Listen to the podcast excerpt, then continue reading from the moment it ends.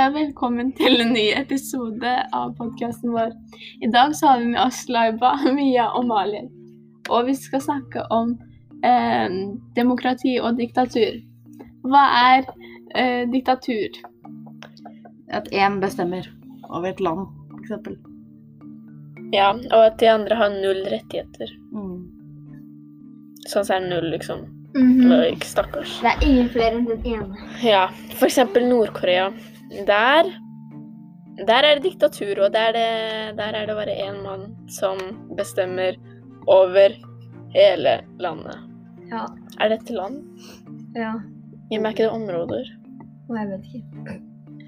Altså, det er Sør-Korea, og så er det Nord-Korea. Men de er sammen ett. Nei, det er to forskjellige land. Ja, ok. Der er det jo veldig strengt og sånn. Og um, altså, man, kom, man, kommer, man kommer seg ikke inn og ut av landet. Ja, man er liksom stuck der. Men også var det noe mer. Man støkk utafor Ja. og støkk inni. Fordi siden 19, eh, 1990 så er det bare 25 000 nordkoreanere som da har klart å komme seg over grensen til altså Sør-Korea og sånn. Og selv om altså, det er så strengt, og, sånn, og det står jo vakter og sånn over hele grensa og sånn Mm. Og hvis man, hvis man klarer da å komme seg over grensa, så kan det at du blir sendt tilbake og sånn. Ja, og så kan du få sånn skikkelig straff. Mm. Du kan bli satt i sånn, arrestert og satt i sånn leir. Ja. Og myndighetene, altså de altså, lederne og sånn, de følger jo med på hver eneste ting du gjør. Og sånn, altså hvor du er, og hva du gjør og sånn. Så du har null privatliv. Mhm. Og så går det bare én kanal på TV-en din. Stakkars. Syns synd jeg. Skal vi hoppe over til demokrati? Eh, ja, det kan vi. Ja, hva er demokrati? Ja, Malin, har du lyst til å si noe? Det er at folket bestemmer, Ja. ikke bare én. Eller at flere bestemmer. Ja. At, Så man er da på en måte Bra for samfunnet. å bestemme hvordan samfunnet skal være. Mhm. Så for eksempel her i Norge så er det demokrati. Og det er Ja, vi har det chill. Mm. Mm. -hmm. Og vi har jo ytringsfrihet og sånn. Ja. -hmm. Og da har vi lov til å si og mene hva vi vil.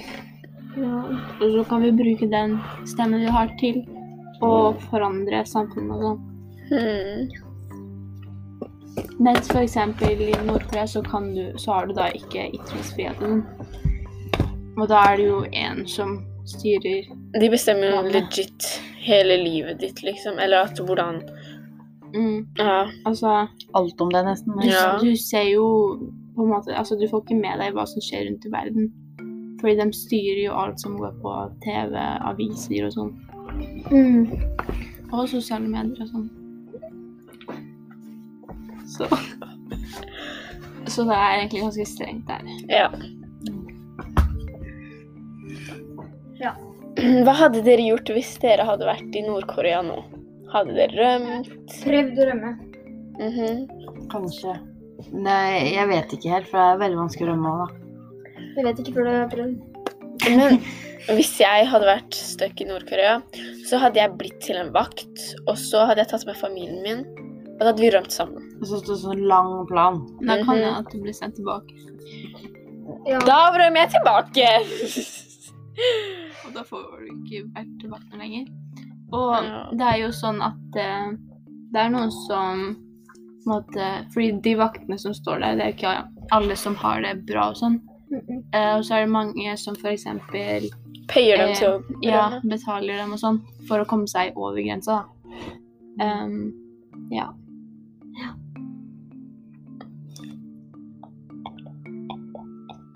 Ja, takk for at du hørte på, og vi håper du har lært noe. Så takk for oss. Ha det!